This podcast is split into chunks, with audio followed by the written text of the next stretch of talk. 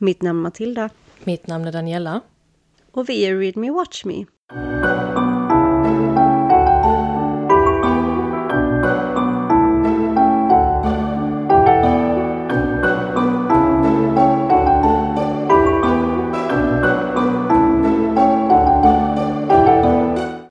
Vi är på del två av Harry Potter och de vises sten och jag tänker att vi djupdyker rakt in. Ja. För vi är mitt uppe i så mycket spänning att vi måste bara köra.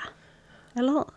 Absolut. Och jag tänker att jag fortsätter där jag avslutade sist. Det sista vi hörde i del 1 var att det nu är Halloween på Hogwarts.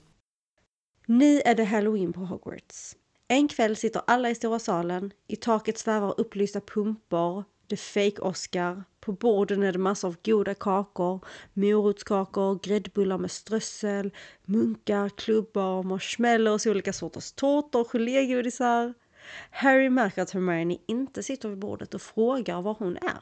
Neville säger att hon vägrar komma ut för tjejernas toalett. Hon har suttit där hela eftermiddagen och gråtit. Plötsligt kommer professor Quirrell inspringandes från de stora dörrarna och skriker In the dungeon!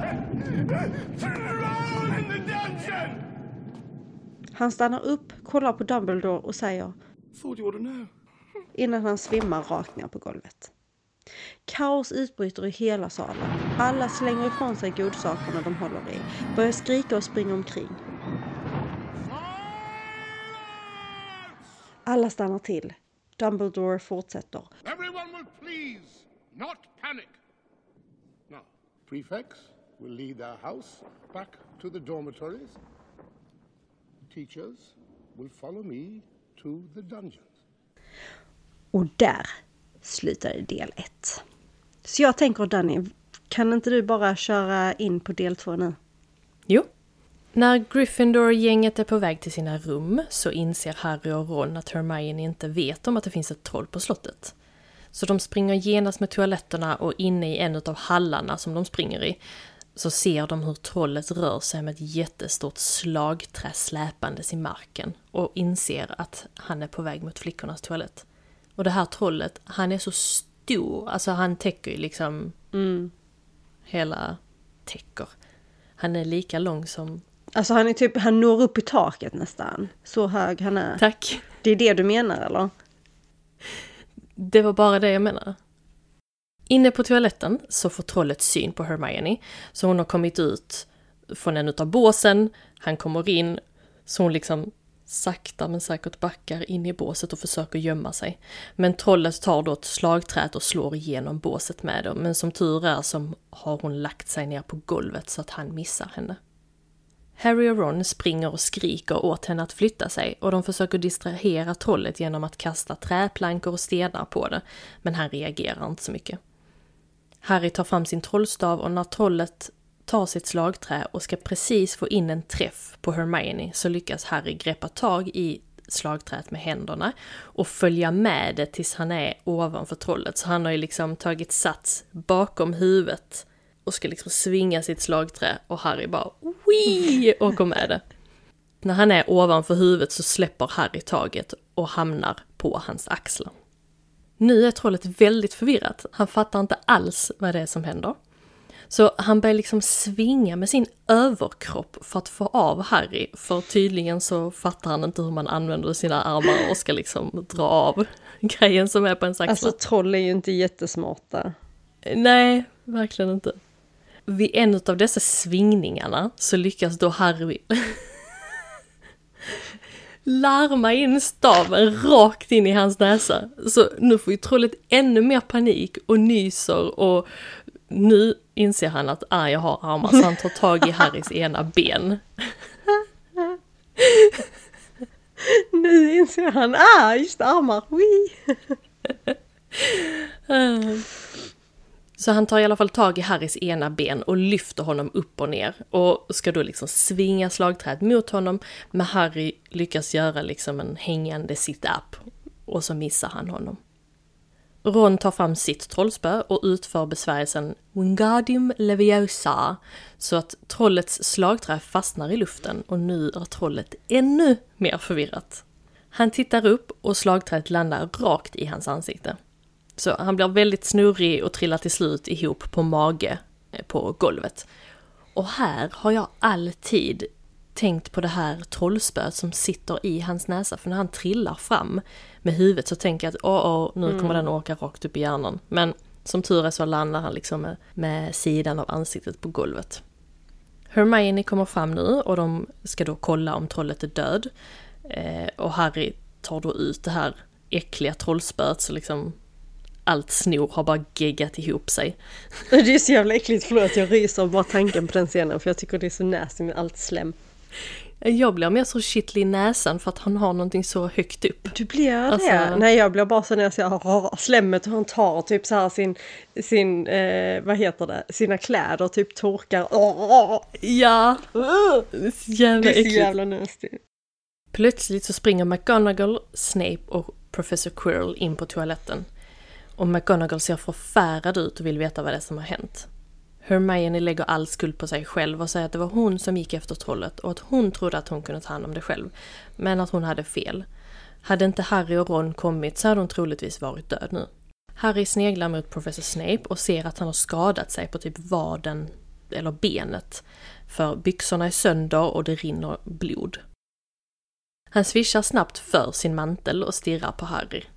McGonagall drar av fem poäng för Hermiones vårdslöshet. Men hon ger Harry och Ron vardera fem poäng till dem för deras tur. Alltså va? Vi ska prata om det här poängsystemet lite senare för det här, det här är så sjukt Ja. att de får så lite för att de har räddat en elev. Men ja. Alla går, förutom den nervösa professor Quirrell som då hoppar till och skrattar av rädslan när trollet börjar låta. Så han ska liksom rensa undan. Alltså det, en, en tanke här bara. När Hermione, alltså anledningen till att hon lite tar the blame här, är det för att hon har dåligt samvete för att hon hade gömt sig inne på toa och att det är därför de råkade illa ut? Det är så jag uppfattar det, för hon vill ju inte berätta varför hon har blivit, eh, eller varför hon är ledsen och gömmer sig där. Nej, precis. Vad tänker du? Nej, jag bara var tvungen att dubbelkolla för att jag blev så osäker nu. Så bara, men visst fasiken är det så? Ja, så har jag med tolkat det. Roligt om vi bara minns helt fel nu. Nej, det är så jag tolkar det. Jag tror inte ens de förklarar det sen. Nej, precis. Vid frukosten dagen efter så pratar Tion om Harrys första quidditch-match. När Snape kommer förbi och önskar Potter lycka till. Han säger att om man kan ta ett troll så borde en quidditch-match vara enkel. Och haltar därifrån. Harry förklarar varför han tror att Snape haltar. Han tror att det var han som släppte trollet löst för att kunna komma förbi hunden på tredje våningen. Men att han blev biten. But why would anyone go near that dog? The day I was at Gringotts, Hagrid took something out of one of the vaults. Said it was Hogwarts business, very secret. So you're saying That's what the dog's guarding. That's what Snape wants. The plot thickens.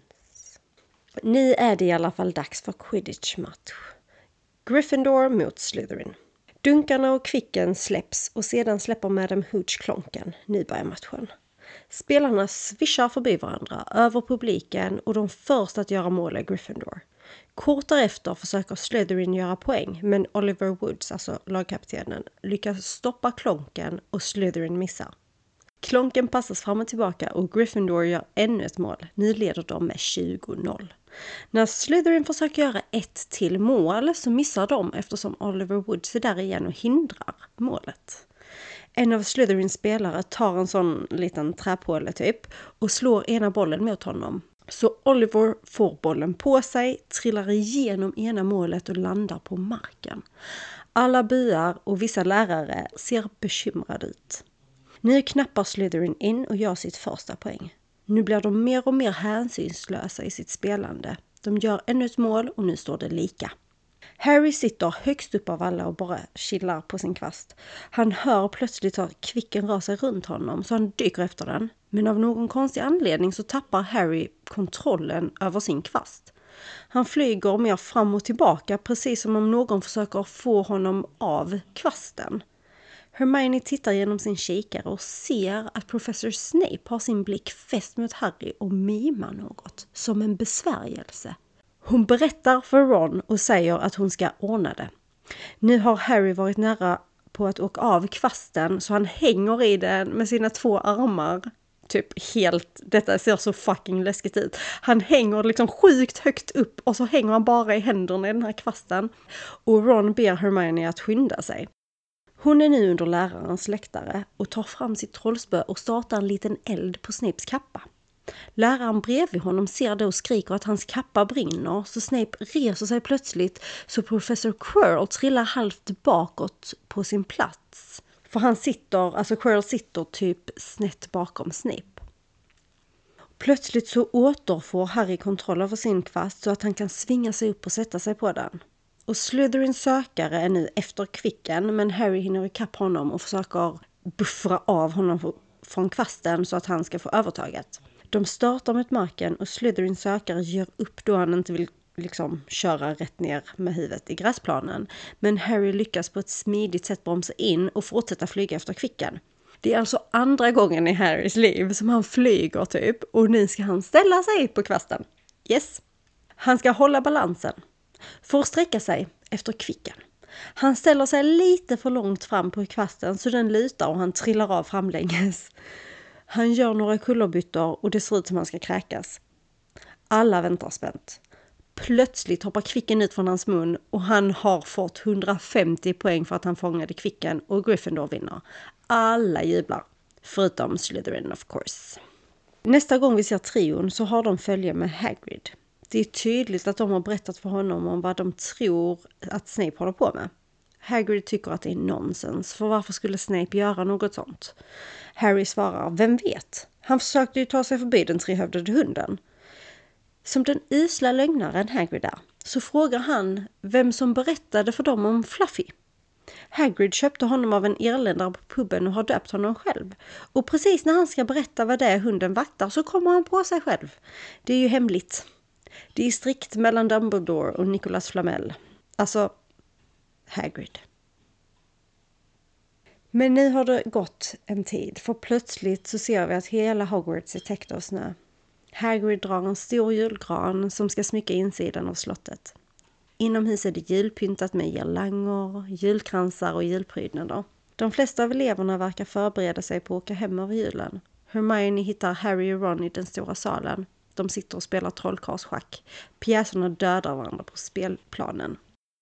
Ron ska stanna kvar på slottet för hans föräldrar ska hälsa på hans äldsta bror Charlie. Han bor i Rumänien och studerar drakar. Hermione säger att han kan hjälpa Harry att leta efter information om Nicholas Flamel i biblioteket. Ron säger att de har letat hundratals gånger. Men Hermione kontrar med att de inte har letat i den avskilda avdelningen. Det verkar som att de är ensamma om att stanna över julen bland eleverna på Gryffindor. Harry vaknar på juldagen av att Ron ropar från sällskapsrummet. Där är massor av julklappar under granen och Harry blir glad för han har nog aldrig fått en julklapp i hela sitt liv. En av klapparna har en lapp där det står Your father left this in my possession before he died. It is time it was returned to you. Use it well.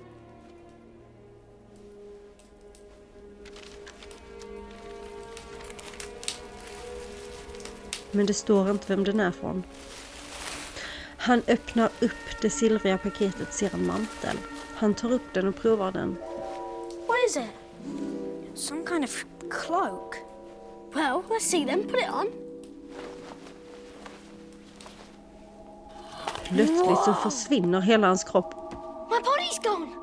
I know what that is. That's an invisibility cloak. I nästa scen får vi se hur han använder den väl. Han går till den skilda avdelningen på biblioteket. Han vet inte riktigt vad det är han letar efter så han tar av sig manteln och bara väljer en bok i bokhyllan. När han öppnar boken så kommer det plötsligt ett ansikte från bladet som bara skriker. När jag såg denna filmen för första gången så blev jag livrädd. Jag tyckte det var jätteläskigt. Den påminner mig lite om typ Poltergeist. Jag kanske minns jättefel, men det är väl någon film där typ en grej tar sig ut från väggarna och så ser det ut på typ samma sätt. Eller? Jag tänker ju typ på, eh, vad heter det? Spöke, Kasper. Casper. The Friendly Ghost. Ja, det, det kanske är därifrån jag har fått det. jag vet inte, jag är osäker. Jag blev i alla fall jätterädd. Harry, inte rädd. Han stänger igen boken och ställer tillbaka den. Och plötsligt så hör han Mr Filch skrika. Han tar tag i sin mantel men ljuslyktan han hade med sig trillar ner på golvet och går sönder. Han tar på sig sin mantel för att gömma sig för vaktmästaren och lyckas smyga ut från biblioteket obemärkt. Tror han. Men Mr Filches katt väntar utanför biblioteket och ser honom. Eller inte, vi vet inte riktigt. Men hon börjar liksom springa efter honom. Och eftersom alla elever, inklusive Harry, verkar vara livrädda för en helt vanlig katt och med andan i halsen, så börjar Harry också springa ifrån henne. Men när han kommer runt ena hörnan av hallen så ser han hur Snape puttar upp Krill mot en vägg. You don't want me as your enemy, Quirrell. Wh- What do you mean? You know perfectly well what I mean. När Harry har kommit runt dem så är det som att Snape känner av hans närvaro och kollar precis mot honom. Harry täcker för sin hand. Harry täcker sin hand. Harry täcker sin mun med sin hand. Jag svalde nästan min tunga. Åh gud. Harry täcker sin mun med sin egen hand för att inte skrika medan Snape sträcker sig mot honom och försöker liksom greppa med handen precis som att där är någonting. We'll have another little chat soon. When you've had time to decide where your loyalties lie. Professors, I found this in the restricted section. It's still hot. That means there's a student out of bed. De tre männen springer mot biblioteket medan Harry smyger ut från dörren under sin osynlighetsmantel. Men han kommer in i ett rum som han aldrig har varit i. För i ena hörnan så ser han en stor helkroppsspegel som han sakta går fram till. Och den har en stor guldig ram runt med små fina detaljer på. Och det står även text på ramen som man inte riktigt kan tyda. När han kollar in i spegeln så ser han plötsligt sina föräldrar stå bakom honom. De ler mot honom och man ser att mamma Lily har rött axellångt hår och har ett väldigt vänligt leende. Pappa James, som mest ser ut som en präst tycker jag, men sen insåg jag att det var hans vita skjorta som tittade ut från hans tröja. Eh, Han har glasögon precis som Harry och har mörkt hår. De säger ingenting men ler åt honom och Lily lägger en hand på hans axel. Så han klappar till sin egna axel och kollar vidare i spegeln. Harry springer ivrigt tillbaka till sovrummen så han kan väcka Ron och dra honom med tillbaka till spegelrummet. Vid detta laget så känner jag att klockan borde vara typ så 4-5 på morgonen för den här natten har varit så otroligt... Har varit? Ja, den har varit så otroligt länge. De kommer i alla fall in till spegelrummet och Harry vill visa upp sina föräldrar. Men Ron ser inte dem utan han ser istället sig själv som kapten för quidditch-laget. Och nu är han väldigt snygg. Han frågar Harry om han tror att spegeln visar framtiden, men Harry svarar hur kan den göra det? Mina föräldrar är ju döda. Men en kväll så sitter han framför spegeln och ler när plötsligt Dumbledore dyker upp i rummet. Är du här igen? Jag ser att du har upptäckt tjusningen med mördspegeln. Jag utgår från att du har förstått vad den gör. Du ska få en ledtråd. Världens lyckligaste man skulle se sig själv precis som han är. Så den visar oss det vi önskar vad det än må vara. Ja och nej. Den visar bara vårt hjärtas djupaste och innerligaste önskan. Du, som aldrig har träffat din familj, ser dem stå vid din sida. Men kom ihåg följande, Harry. Spegeln skänker oss varken kunskap eller sanning. Människor har tynat bort framför den, till och med blivit galna. Därför flyttas den imorgon och jag måste be dig att inte leta efter den. Och här tänkte jag att vi ska backtracka något, för jag har lite rolig trivia. Vi ska gå tillbaka till när Harry är i den eh, restricted section av biblioteket. Eh, vad heter det på svenska? Herregud. Av, avskilda avdelningen. Ja, precis. Den av, ja, exakt den avdelningen. Grejen är att denna, denna scenen spelades in i The Duke Humphreys Library i Oxford som är den äldsta läsalen i The Bodleian Library på Oxford University, om jag har förstått det rätt, så upprättades denna delen av biblioteket redan någon gång under 1400-talet. Biblioteket har därför en eh, strikt, ett strikt förbud mot öppna lågor. Men skaparna till Harry Potter och Det visas sten var de första på hundratals år som fick tillåtelse att bryta mot detta förbud. Så medan du är rädd för den skrikande boken, så när jag såg denna med denna vetskapen så tänkte jag bara shit, ungen kommer bränna ner liksom böcker från 1400-talet. Det var vad jag tänkte på och jag bara Åh! Nu vet jag ju, jag har sett den innan, vet att han inte gör det. Men ändå. Jag tyckte det var ganska coolt att veta att de är på ett så otroligt, eh, vad ska man säga, historiskt eh, värdefullt ställe på något vänster. Alltså där det är så gamla böcker. Mm, och inte bara en scen uppbyggd liksom. Nej men precis, det är inte bara vi tar och ställer upp lite bokhyllor och får dem att se gamla ut.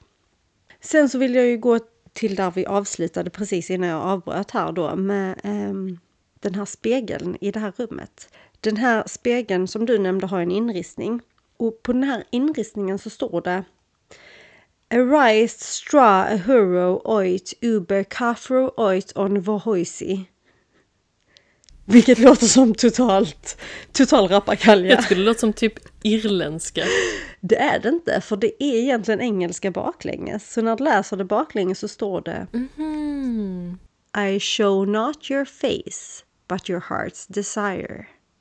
Det är också därför på svenska så är ju eh, översättning är ju mördsspegeln baklänges, drömspegeln. Oh my god, och jag tyckte att det var så jävla konstigt namn. Jag bara, vad är Yes, mördspegel? Precis. Och det, på engelska heter den Mirror of Arised och Arised baklänges blir Desire. Aha. Nu känner man sig lite dum.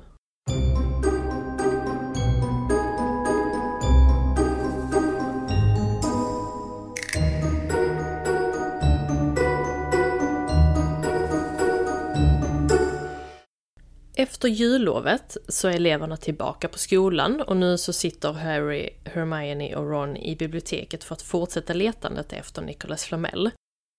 Hermione säger att hon hade bett dem att leta på helt fel ställen och säger att hon tog fram denna boken för att läsa någonting lättläst och dumpar livets tjockaste bok på bordet. Alltså, boken är lika stor som typ hennes överkropp.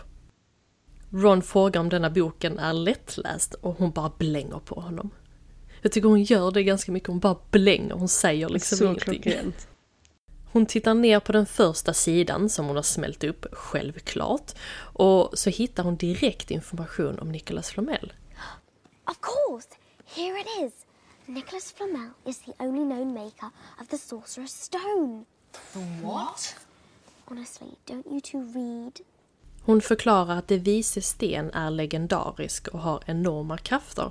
Den förvandlar nämligen all metall till guld och kan ge människor evigt liv. Ron upprepar lite, lite för sig själv, evigt liv. Hermione förklarar att det betyder att man aldrig dör. Hermione fortsätter. Den enda stenen som finns kvar tillhör Mr. Nicholas Flamel, den berömda alkemisten som fyllde 665 år förra året. Det är det hunden Fluffy vaktar i falluckan, det vise sten. De tre springer bort till Hagrids stenhus. Han är på väg att avvisa dem då han inte kan ta emot besök, men alla tre säger i kör Vi känner till det vise sten! Han öppnar dörren och släpper in dem. De fortsätter säga till honom att de tror att Snape är den som försöker att sno stenen, men Hagrid insisterar på att han är en av de lärare som skyddar stenen. Han fortsätter att försäga sig om mer saker gällande det Vises sten. Som att det finns trollformler som skyddar den och att han och Dumbledore är de enda som kan ta sig förbi Fluffy. Plötsligt hör de hur något knackar från en kittel som hänger ovanför brasan. I kitteln ligger ett drakägg som Hagrid lägger på sitt bord. Den kläcks och ut kommer en ryggdrake och Hagrid döper honom till Norbert. Plötsligt ser han ett ansikte i ett av sina stora fönster och de upptäcker att Malfoy har spionerat på dem. När de sen är tillbaka på skolan så möts de av professor McGonagall och bakom henne kommer Malfoy fram. Han har kallat Gryffindor får 150 poäng avdrag som straff och alla fyra får straffkommendering. Och det här, det skeva är, de är, hälsar på hos Hagrid, en lärare som man kan eh, lita på, men de får 150 poäng avdrag som straff. Och fine, går man ut på kvällarna man borde få straff. Men de får bara 5 poäng eh, straffavdrag när det är ett troll som kan döda dem. Ja, rimligt. Nej. Nej. Nej. Men Malfoy får alltså här också straff då, då för att han inte har varit i sin säng där han borde vara. Och, att han, och så blänger han liksom på de tre vännerna. Han är ju inte helt nöjd med detta. Och tydligen så ska de få sitt straff direkt, för de fyra får följa med Mr Filch. Och han tycker det är synd att de tog väck det gamla straffsystemet. Då fick eleverna hänga från sina tummar nere i fängelsehålorna. Och han avslutar med att säga att han saknar skriken. Alltså jag, jag känner med Filch så mycket. Jag Alltså han är så Filch. jävla brutal. Han är så klockren. Ah shit. Alla fyra ser livrädda ut, ja, same. Deras straff blir dock att få följa med Hagrid in i den mörka skogen som annars är förbjuden för eleverna. Hagrid ser ledsen ut och han berättar att Dumbledore skickade Norbert till en drakkoloni i Rumänien. Han tar sig samman och ber dem att följa honom ut. Grejen är att detta kan ju inte vara samma kväll, för detta är ju samma kväll så kläcktes Norbert. Det kan ju inte vara samma kväll som Dumbledore sen har skickat honom till en drakkoloni. Det måste vara en annan kväll. Det är bara att... Det, Det klipper från hade kväll de- till kväll. Ja, det är det. Och de har på sig Ja. exakt samma kläder. Men varför skulle de inte kunna skicka en nykläckt drake? Det känns som att det är lite administrativt arbete som behöver Nej, göras innan det man kan det är en magisk skicka. värld Matilda. Man kan teleportera Okej, all skit Det, överallt. det är jag som är kommunalt anställd som tänker att allting, det kan inte hända så fort. Jo, Okej. jo, jo. Det är ju flyttnycklar, hallå. Okej, okej, sant, sant, sant. Han tar sig samman, alltså Hagrid, och ber dem att följa honom. Den mörka skogen består av otroligt höga träd. Den är väldigt mörk och dimman har lagt sig kusligt. Den är ganska tyst förutom något varulvsljud här och var. Jag har en teori om det, men jag kan ta det sen. Ja, jag vill höra denna teori. Hagrid stannar till vid vad som liknar en silvrig pöl. Förlåt, sjukt bra beskrivet. Det är verkligen så. Fast det är ju en silvrig pöl, den Ja. liknar inte en silvrig pöl. Nej, det är en silvrig pöl, men det är bara det ordet silver, eller orden silvrig och pöl, sam, alltså i samma mening. Det är liksom inget man har sett innan. Det ser väldigt trevligt ut på något sätt. Han doppar sina fingrar i det och Harry frågar vad det är. Han svarar bara diffust. Det vi är här för. Detta är enhörningsblod. Jag hittade en död för ett tag sedan och den här är allvarligt skadad. Kusligt ljud låter och något ylar långt bort. Harry ser att något rör sig bland träden längre bort. Man ser tydligt att det är något med en mantel och huva men han reagerar inte ens på det. Hagrid fortsätter. Vår uppgift är att hitta stackaren. Ron och Hermione, ni följer med mig. Ron kryssar fram ett gnällande okej. Harry, you'll go with Malfoy. Malfoy, Okay, then I get Fang. Hagrid. Fine. Just so you know, he's a bloody coward. Också rimligt att den enda vuxna ansvarstagande personen delar upp de här fyra ungdomarna. Så två ungdomar får gå själv med världens fegaste hund. Och leta efter någonting som dödar enhörningar. Nej, absolut inte. Men alltså jag vill höra din teori. Jag är fast på varulvsljuden. Jag vill höra teorin här. Jag tror att det är... Nu tappar jag namnet. Vad heter han? Lupin. Ja. Tror du det kan vara Lupin? Vad skulle Lupin göra i den skogen av alla skogar? Tänker jag. Han, ehm, men han vet ju om att han skadar när han blir förvandlad. Då kanske han håller sig bättre, det är bättre att han håller sig i den förbjudna skogen. Men jag vet inte ens varför han skulle välja att slösa sin tid på Hogwarts ändå. Nej fast samtidigt, du är någonting på spåret. För du vet, genom hela denna berättelsen så får man ju också höra om hur det spökar i den stigan i Hogsmeade. Det gjorde ju i alla fall det innan när Lupin gick i skolan på Hogwarts. Då spökade det ju där för att det var ju, nu spoilar vi böckerna framåt men alltså hallå. För det var ju där han var, det var ju där han höll till när han förvandlades. Så det skulle kunna vara så att han i vuxen ålder när han förvandlas också fortsätter att göra samma sak han gjorde när han gick i skolan. Ingen omöjlig grej. Spännande. Vi återkommer Ja. om det så. Vi återkommer om vi kommer, vi kanske ska se om vi kan fråga JK. När Malfoy och Harry går med stackars Fang så kommer Malfoys klassiska vänta tills pappa, vänta tills pappa får reda på det här. Han menar att det är vad tjänstefolket är till för. Harry säger att det verkar som om att du är rädd. Han säger att han är inte rädd, men hoppar likväl till när han hör ett konstigt läte bland träden. Fast hallå, vem hade inte varit rätt rädd här? De är ensam i en forbidden forest och letar efter någonting som dödar enhörningar. De går och går och går tills de plötsligt ser en död enhörning. Men det är inte den enda de ser. Eller det är inte det enda de ser. Fang morrar till mot enhörningen, men över enhörningen lutar sig något som har en svart mantel och huva på sig. Harrys ärr börjar göra ont och personen eller grejen med manteln lyfter huvudet lite så munnen syns och enhörningsblod rinner ut ur munnen på den. Både Malfoy och Fang blir svinrädda och springer därifrån och lämnar Harry ensam. Plötsligt svävar manteln mot Harry och här ser man hur eh, Malfoy och Fang springer bakom Harry i bakgrunden. Fortfarande skällandes och skrikandes. När varelsen går eller svävar mot Harry så tar han ett steg bakåt men snubblar strax över ett träds stora, över ett träds stora rötter i marken. Han försöker resa sig upp men där är så pass stora rötter att han inte kommer någonstans. Plötsligt låter det som att ett par hovar kommer galopperandes. Han ser hur något kommer flygandes ovanför honom och landar framför mantelvarelsen som blir skrämd och svävar bort därifrån. Harry reser sig sakta.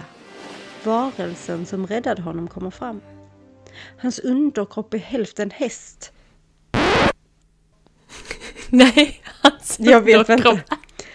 Hans kropp är hälften häst och överkroppen är något som liknar en människa. Men typ inte ändå. Typ fej-ish. Någon skogsfej. Mm. Lite så. Så vi, vi pratar eh, kentaur nu. Ja. Liksom. Eh, underkropp häst, överkropp människa fast jag skulle säga fej. Varför har jag inte förklarat vad en kentaur är? Jag vet att det kommer en dialog om det, men jag tror jag hoppade över dialogen. Fast det gör ju inte någonting. Men i alla fall, snubben, varelsen som räddar Harry här är ju då en kentaur i alla fall. Harry Potter, du måste gå här. Förlåt, jag, jag tänkte exakt så som du sa det, för vi båda har sett den här filmen så många gånger att vi bara... att vi vet hur han pratar! Ja. Sorry, take it away! Harry Potter, du måste gå härifrån. Allt för många vet här. The forest is not safe at this time, especially for you, But what was that thing you saved me from? a monstrous creature. It is a terrible crime to slay a unicorn. Drinking the blood of a unicorn will keep you alive even if you are an inch from death, but at a terrible price. You have slain something so pure that from the moment the blood touches your lips, you will have a half life, a cursed life. But who would choose such a life? Can you think of no one? Do you mean to say that that thing that killed the unicorn, that was drinking its blood, that was Voldemort? Do you know what is hidden in the school at this very moment, Mr. Potter? The Philosopher's Stone. Plötsligt kommer Hagrid, Ron, Hermione, Malfoy och Fang springandes. Hagrid. Hej Firenze! Du har mött Potter! Är du oskadd Harry? Harry Potter, det är nu jag lämnar dig. Du är trygg nu. Lycka till. Harry Potter. Ja, jag kan se honom framför mig! Men han har en så eh, lugnande röst. Ja. ja men han är ju verkligen ett väsen liksom. Tillbaka i Gryffindors sällskapsrum så berättar Harry vad som hände i skogen. Harry har knäppt upp slipsen och vankar fram och tillbaka. Som en man som är djupt stressad över sitt bolags ekonomiska situation.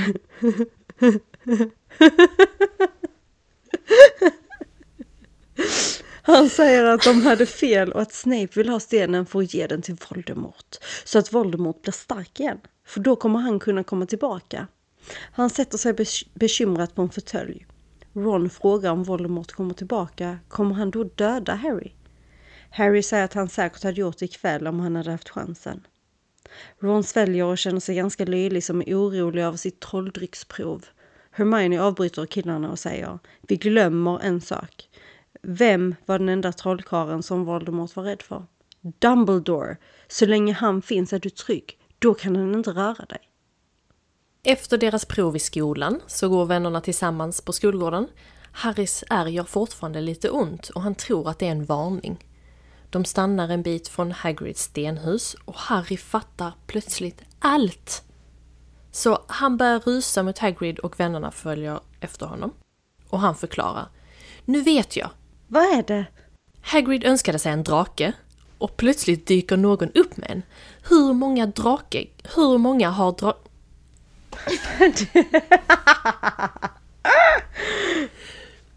Hur många har drakägg i fickan? Varför tänkte inte jag på det innan? De kommer upp till Hagrid, som spelar flöjt på sin lilla trappa. Hagrid, vem gav dig drakägget? Hur såg han ut? Jag vet inte, jag såg aldrig ansiktet. Men du pratade väl med honom? Ja, han undrade vilka djur jag skötte om och jag svarade att efter Fluffy klarar jag eh, en drake. Var han intresserad av Fluffy? Självklart! Trehövdade hundar är ovanliga, men jag berättade att hemligheten är att veta hur man lugnar dem. Fluffy somnar så fort han hör musik. Vännerna tittar förbryllat och Hagrid ångrar direkt att han berättade alldeles för mycket. Igen. Igen. De springer därifrån till professor McGonagall och säger att de måste få prata med Dumbledore direkt. Hon säger att han är iväg på ett ärende i London hos trolldomsministeriet. Harry säger att det är jätteviktigt, det gäller det vise sten. Innan McGonagall hinner fråga hur han känner till stenen så säger han att någon försöker stjäla den. Hon säger att den är säkert förvarad och att de genast ska gå tillbaka till sina rum. Senare på kvällen så ska vännerna smyga ut från sina sovrum och ta sig genom falluckan på tredje våningen. Alla tre har tryckt ihop sig och går under osynlighetsmanteln på väg till Fluffy. När de kommer in i rummet så ser de en harpa som spelar för sig själv. Harry säger att, det att Snape redan har varit där och att han har förtrollat harpan. Fluffy ligger och snarkar medan hans ena tass ligger rakt på falluckan. De lyckas få bort hans tass när en utav huvudena nästan vaknar. De öppnar falluckan och kollar ner och ser att det är kolsvart. Harry lägger upp en plan om att han ska hoppa ner först. Om någonting går snett så ska Ron och Hermione ta sig därifrån. Medan han pratar så öppnar Fluffy ett par av sina ögon och plötsligt så är det väldigt tyst inne i rummet. Fluffy reser sig över dem och Hermione säger att harpan har ju slutat spela.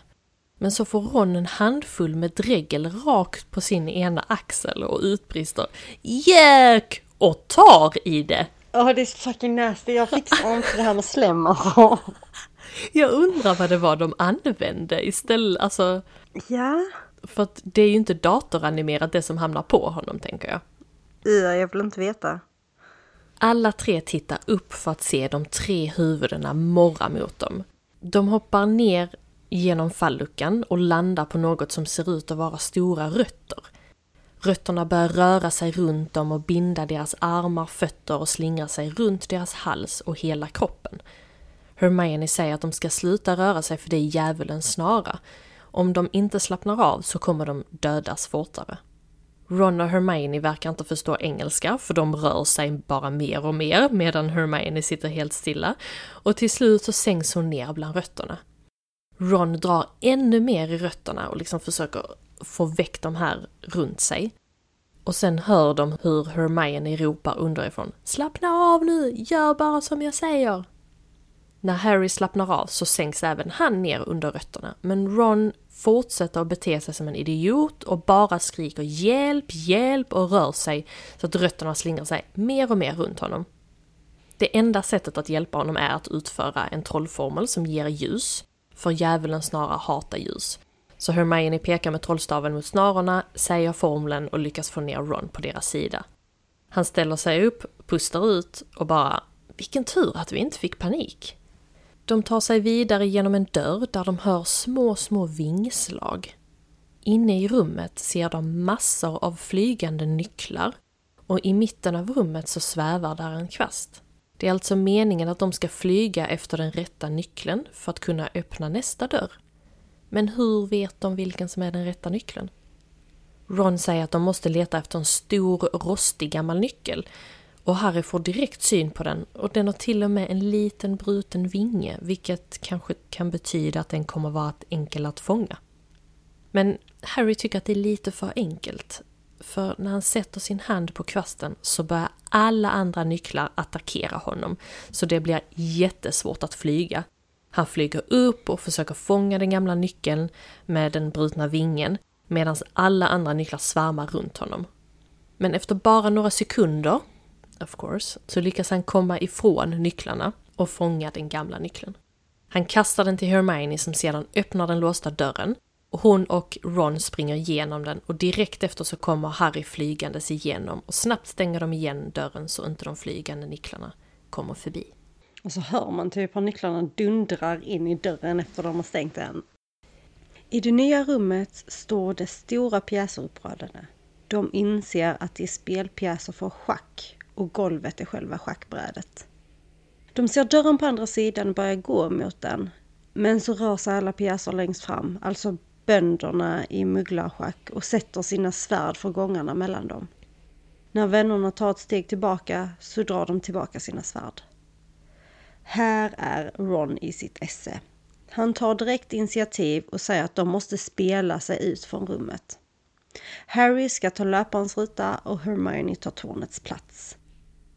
Han kommer att vara en löpare. De spelar i det svarta laget så de vita pjäserna tar första steget. Det tåls att nämna, jag är inte helt säker på att vi nämnde det tidigare, att i trollkarlsschack så rör sig pjäserna som allting annat i trollkarlsvärlden så, så är det liksom inte stationära pjäser utan de lever, eller vad man ska säga, de rör sig och fightas, det är liksom så det sker. Så att detta kan ju bli lite dangerous. Ja, man ger dem ett direktiv och sen flyttar pjäsen sig och hamnar den på motståndarens pjäs. Ska den slå ut en, en motståndarpjäs så slår den liksom i sönder pjäsen. Exakt. Ron kommer alltså vara en löpare. Och de spelar i det svarta laget så de vita pjäserna tar då första steget. En bonde tar två steg framåt. Hermione oroar sig över att det kommer vara som riktigt trollkarlsschack, alltså att de dödar pjäserna de vinner över. Ron beordrar en av sina bönder att ta två steg fram. De båda bönderna står diagonalt framför varandra och då tar den vita bunden sina svärd och krossar den svarta bunden. Nu är vännernas pjäser än mindre. Nu kan de konstatera att det kommer vara exakt som trollkarlsschack. Nu ser vi hur flera pjäser krossas. Ron skriker ut order mot pjäserna och där ligger krossad sten överallt. Nu är det Harry, Ron, Hermione och det vitas drottning kvar. Ron förklarar att när han har gjort sitt drag så kommer drottningen gå på honom och då kan Harry schacka kungen. Hela denna scenen är viral på TikTok, vänta va? When, once I make my move, move ja. you're, uh, you're free to check the king. Run now! det hade jag glömt! Run! Det är så jävla kul att se det i filmen när man har hört det så många gånger på TikTok. Once I make my move, the Queen will take me. Then you're free to check the King. No. Ron, no! What is it? He's going to sacrifice himself. No, you can't! There must be another way. Do you want to stop Snape from getting that stone or not? Harry, it's you that has to go on. I know it. Not me, not Hermione, you. Harry och Hermione vill inte att han ska göra det, men Ron säger att Harry måste vara den som stoppar Snape från att ta stenen. Så Ron tar sin häst och ropar ut ordern. Nu är han precis i linje med drottningen. Han säger schack. Drottningen vänder sig mot honom och rör sig sakta ruta för ruta. När hon stannar tar hon upp sitt svärd och stäbar hästen så Ron trillar baklänges och landar på golvet. Hermione är på väg mot honom men Harry skriker åt henne att inte röra på sig för de spelar fortfarande. Nu är det Harrys tur och han ställer sig i sin valda ruta och säger schackmatt. Drottningens svärd trillar från henne och pjäsen står helt stilla. De tittar till Ron och Harry säger att Hermione ska ta hand om honom och att sedan skicka en uggla till Dumbledore. Ron hade rätt. Harry måste fortsätta. Hermione säger att han kommer klara det för han är en jätteduktig trollkarl. Alltså, förlåt, men hur vet hon det? Va, vad har han gjort hittills för att förtjäna Beröm. en sådan komplimang? Jag vet inte för att helt ärligt så är inte Harry en briljant och detta är egentligen lite av charmen kan jag tycka med den här historien. För han ska ju vara någon sån här eh, ofrivillig hjälte för att han är liksom den som överlevde Voldemort. Och egentligen är han bara en vanlig snorunge som inte kan speciellt mycket. Hermione däremot. Mm. Alltså han är inte så briljant som alla försöker få honom att uh, framstå. Han är rätt så dumdristig om vi ska vara helt ärliga, för han bara går in i saker för att han är modig och så tror han att det ska lösa sig och det gör det, men det är bara för att han har, egentligen har vänner som löser det åt honom. Exakt. Smart kille. ja, precis. Harry lämnar dem och går ner mot en sju helvetes trappa som leder ner till ett öppet rum där det står en stor spegel och en man framför. Hans ärr börjar göra ont igen. Men mannen som står framför spegeln är inte den han tror att det var. Det är inte Snape. What? Det är Professor Quirrell. Den stammande läraren i svartkonster. Men nu stammar han inte och är inte lika nervös. Harry ifrågasätter honom och han säger att det var Snape som försökte döda honom. Quirrell säger att det var han och inte Snape.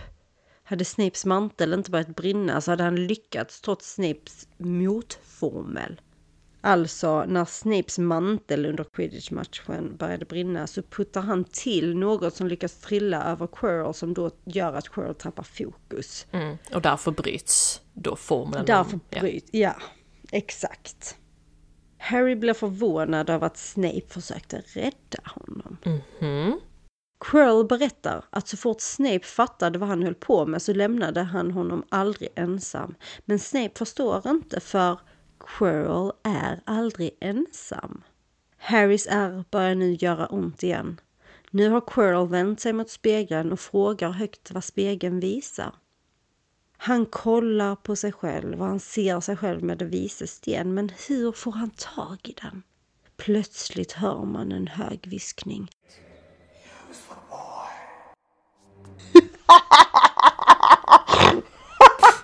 Åh oh, fan, jag tappade det totalt. Quirrell skriker Kom här Potter! Now! Come here, Potter!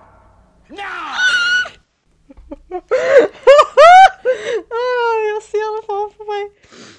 Harry som står en bit ifrån börjar sakta gå mot honom och ställer sig framför spegeln. Quirrell frågar vad han ser. I spegelbilden får man se hur Harry tar fram en sten från sin byxficka. Han ler och stoppar ner den igen. Harry börjar ta lite lätt på sin ficka. Quirrell skrikfrågar vad han ser. Istället för att berätta sanningen så säger han att han ser hur han skakar hand med Dumbledore och att han precis har vunnit elevhemspokalen. Precis som Ron såg i sin spegelbild. Och bara för att inflika, vi nämnde inte det, men detta är ju mördespegeln som Harry Exakt. hittade för några nätter, veckor sedan. Mm.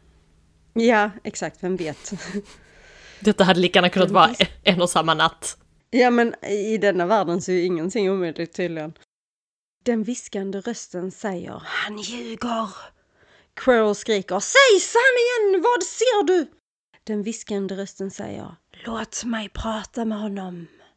Quirrell säger Mästare, ni är inte stark nog. Den viskande rösten svarar Jag är stark nog för detta. Ni som minns, Quirrell har en turban svept runt huvudet men nu börjar han att ta av den. Och man får se att han är flint. Och hans bakhuvud är mot spegeln. Och då får man se hur ett ansikte kommer fram. Mm. Det är det ansiktet som har viskat. När han möter Harrys blick säger han Harry Potter, så vi möts igen. Voldemort. Jag tror han gör det så han Ja. bara ja. Ja, ser du hur jag har blivit? Vad jag måste göra för att överleva?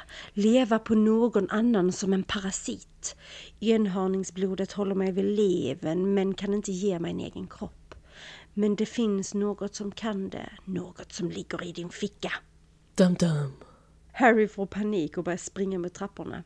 Voldemort vässkriker och Quirrell knäpper med fingrarna så eld utbryter runt om i rummet så Harry inte kan ta sig ut. Var inte dum! Varför lida en plågsam död när du kan gå över till min sida och leva? Never!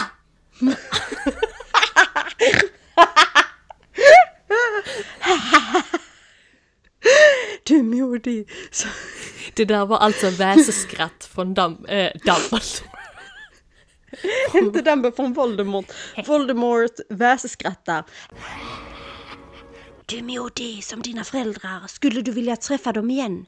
Tillsammans kan vi återkalla dem till livet. Jag vill bara ha något i gengäld.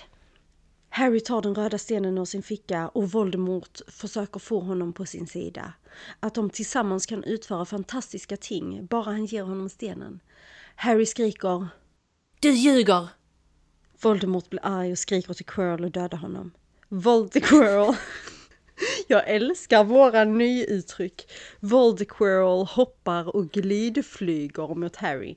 Han tar tag om hans hals och Harry tappar stenen. Istället för att fortsätta räcka sig mot stenen så tar Harry tag i Quirrells hand. Och plötsligt börjar Quirrell skrika. Det visar sig att Harrys beröring Det, det låter, låter lite... lite sexuellt. Men ja. Ni fattar. Harrys beröring får hans hud att fräta. Quirrells hand förvandlas till sten och smulas sönder. Voldemort skriker att han ska ta stenen. Harry springer mot Quirrell och rör hans ansikte och då förvandlas han helt till sten och smulas sönder. Harry tar sen stenen och ler lite för sig själv. I bakgrunden från stenkroppshögen bildas en mörk dimma. När Harry vänder sig om så åker dimman, som nu har förvandlats till en skrikande man, rakt igenom honom ut mot utgången. Harry har svimmat med stenen i handen.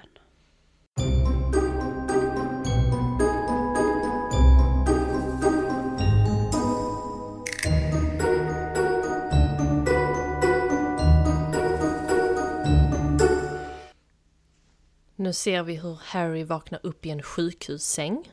Han tar på sig sina glasögon och ser hur det står massa presenter på ett bord vid hans sängkant. Dumbledore kommer in vankandes och säger God dag, Harry. Dumbledore berättar att det som hände mellan Harry och Quirrell är en hemlighet. Så därför vet hela skolan om det. Dumbledore tar upp en öppen förpackning av godis och säger Ronald har visst öppnat chokladgrodorna åt dig. Är han och Hermione oskadda? Ja, båda två. Var är stenen? Lugn, den har vi förstört. Min vän Nicholas och jag har pratat och enats om att det var bäst så. Men då dör väl Flamel? Han har nog elixir till att ordna saker, men ja, han kommer att dö. Hur kunde jag få stenen? Jag tittade i spegeln och så... Bara den som ville hitta stenen men inte använda den kunde få den. En av mina strålande idéer, och jag har många. Betyder det att Voldemort inte kan komma tillbaka nu? Jag befarar det finns sätt han kan återkomma på. Vet du varför Quirrell inte tyckte om att du rörde vid honom? Harry skakar på huvudet. På grund av din mor som offrade sig för din skull. Sånt sätter sina spår. Vad är det? Kärlek, Harry. Kärlek. Um, obviously. Innan Dumbledore ska gå så ser han Bertie Botts bönor. Han säger att han hade oturen att en gång få en med kräksmak och sen dess så tycker han inte om dem. Men att han kan prova en liten denna gången. Han tar upp en, äter och säger hm, tyvärr öronvax. När Harry är helt återställd så är året snart slut. Alla elever och lärare sitter i den stora salen och umgås. Man ser även hur Slytherins elevhemsflagga pryder taket, vilket pekar på att de har vunnit elevhemspokalen. Dumbledore klirrar på sitt glas och håller ett litet tal. Ännu ett år har gått. Nu ska elevhemspokalen delas ut. Ställningen är följande. På fjärde plats Gryffindor 312 poäng. På tredje plats Hufflepuff 352 poäng. På andra plats Ravenclaw 426 poäng. Och på första plats med 472 poäng Slytherin. Alla hurrar och till och med Snape klappar rätt frenetiskt, men att poängtera att han inte är glad överhuvudtaget. Och Gryffindor är ganska ledsna för att de kom på sista plats. Men så fortsätter Dumbledore. Yes, yes, well done, Slytherin, well done, Slytherin. However, recent events must be taken into account. And I have a few last minute points to award. To Miss Hermione Granger, for the cool use of intellect, while others were in grave peril. 50 points.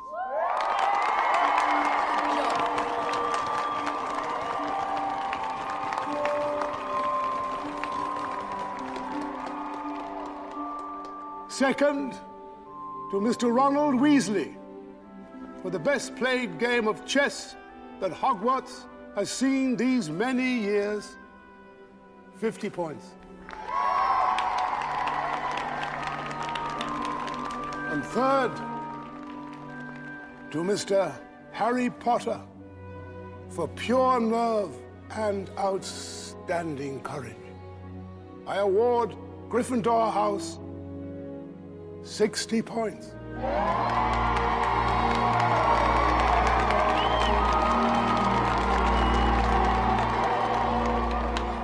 With Slytherin. And finally, it takes a great deal of bravery to stand up to your enemies, but a great deal more to stand up to your friends. I award 10 points to Neville Longbottom.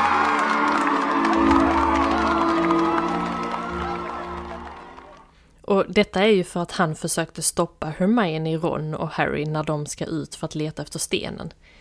Hur Dumbledore vet detta har vi ingen aning om och Neville själv är lite förbluffad och fattar inte att han har fått poäng. Men alla hurrar och klappar och Slytherin sitter mest och glor. Efter att de har tilldelats poängen så visar det sig att Gryffindor är de riktiga vinnarna. De har vunnit elevhemspokalen. Alla bara wow och kastar upp sina hattar i luften. Nu är det dags för eleverna att åka hem. Hagrid är vid tågstationen för att säga farväl när Harry springer fram till honom för att säga adjö. Hagrid ger honom en present och det är ett litet familjealbum med bilder som rör sig på Harry och hans familj. De kramas och Hagrid säger att om hans kusin Dudley bråkar med honom igen så kan han alltid hota med att ge honom ett par öron för att matcha knorren. Harry går mot Ron och Hermione som står vid lokets ena dörr och Hermione säger att det känns konstigt att behöva åka hem. Och Harry svarar att han inte åker hem. Inte egentligen. Hagrid vinkar adjö till dem och loket lämnar stationen. Det var det hela! Det var det hela. Alltså vet du, Dumbledore, det är ju då Richard Harris, han spelar ju Dumbledore i film 1 och 2. Enda anledningen till att han gick med på att spela denna rollen är på grund av att hans 11-åriga eh, barnbarn hotade med att aldrig mer prata med honom om han inte gjorde det liksom. Mycket smart man som valde att göra det. Eller hur? Mycket smart unge som bara, dude, tänker inte prata med dig om du inte gör det. Jag älskar han som Dumbledore. Jag gillar också honom. Men jag gillar båda. Jag med. Jag tänkte precis säga att det är inte så att jag föredrar den ena över den andra. Jag tycker båda som spelar denna rollen gör ett briljant jobb. Mm. Vet du förresten att Dumbledore, alltså ordet Dumbledore, är Old English för humla, Bumblebee. Jaha. Så det är liksom Old English för Bumblebee. Nej, det visste jag inte. Man hör det nästan när man säger det, Dumbledore, Bumblebee, typ. Men jag tror att han var en bra Dumbledore för att komma in i denna historien, för han är ju inte med så mycket nu. i första Nej. filmen. Så jag tror att den andra Dumbledoren som kommer sen när filmerna blir mer mörka och han får Mm. mer plats. Så passar han väldigt bra in i den storylinen. Jag håller med. Med tanke på Richard Harris gick ju bort efter den andra filmen var inspelad. Men alltså, jag vet inte om jag nämnde detta innan, i sådana fall får vi klippa bort det. Att Rosie O'Donnell och Robbie Williams var två skådisar som önskade att få med i filmerna och spela Molly Weasley respekt, res, respektive Rubius Hagrid. Va? Nej. Ja. Jag är väldigt glad över att de inte var med. Eller hur? Jag håller med, för det är så att Rowling ville att castingen skulle vara renodlad brittisk och irländsk. Så därför så, så fick de ju liksom inte rollerna. Men de, de, eh, jag tror, nu ska jag inte ta gift på detta, men jag har till och med för mig att de erbjöd sig att, en, alltså att de inte ville ha betalt, de ville vara med bara i filmen. Jag gillar att de, att många var väldigt, okej okända är ju inte många, men för oss när vi var små så var ju alla Mm. helt nya. Så jag gillar att man har vuxit upp med att de som man har fått se i rollerna, att de har varit, or- alltså våra minnen av dem har kommit från Harry Potter. Men Rosie O'Donnell, nej. Hon känns som en jätte... Nej men eller hur? Men också Robbie Williams. Alltså Ja. inte så, jag tror definitivt de hade kunnat göra bra rollprestationer, det är inte det. Mm. Men det går inte att se några andra än de det blev. Nej. Castingen är ju liksom klockren. Visst, visste du en annan grej? Att egentligen så är det faktiskt en låt som Bruce Springsteen har gjort som skulle va, varit med i filmen. Alltså som är gjord för Harry? Potter-filmen. Alltså, Som heter I'll stand by you always. men den finns ute som en vanlig låt. Den finns ute, den heter I'll stand by you, finns på Spotify med av Bruce Springsteen. Eh, lyssnar man på den så förstår man lite att de, de ansåg att den inte passade i filmen, det håller jag med om. När man lyssnar på den känner man bara okej, den är liksom för modern på något sätt för, anser jag själv, för att vara med i denna typen av film. Den ska jag lyssna på. Kul. Det tycker jag definitivt du ska göra. Men det var... Sen, Okej. Sen, ja, nej, en sista grej. Det kan vi också klippa bort om vi vill inte ha med det. Men visste du en annan grej? Det är att Det vise sten kostade mer att göra än Sagan om ringen, Härskaringen från 2001 kostade. What? Har du några siffror Den på det? kostade mer att prod- Nej, jag har inte siffrorna, men jag vet att det stod att den kostade mer. Den drog också in mer pengar än Härskaringen gjorde. Så när alla ställer Harry Potter mot Sagan om ringen så Mhm. man kan ju tycka det man tycker 100% men Men vi vet. det drog in mer. det jag in mer. Kan man ju inte riktigt jämföra de två fantasyhistorierna men väldigt olika. Och framförallt så tycker jag inte man måste. Man kan älska båda för vad de är. det är liksom. två helt olika berättelser. Det är inte... Jag tycker inte det är jämförbart. Riktar sig mot helt olika publiker. Precis. Det råkar bara vara samma genre. Liksom. Ja. Och i sann Dumbledore-anda så vill jag lämna detta avsnittet med denna quote. It does not do well to dwell on dreams, Harry, and forget to live. Som Dumbledore sa. Jag vet. Det var en liten klapp med fingertopparna. Om ingen hörde det. Lite så. Skitkul att kolla på denna igen. Den är verkligen lite så här ehm, post Christmas eh, feeling. Den brukar ju gå på tv Mm. där i mellandagarna. Eh, för den ger en så himla mysig vibe och man, man var ju ung när man såg dem eller läste dem. Så att, eh, mm, perfekt filmval för detta avsnittet. Vi hörs nästa avsnitt. Ha det bra, ha en lugn julledighet och gott nytt år. Gott nytt år! Mm. Hej då!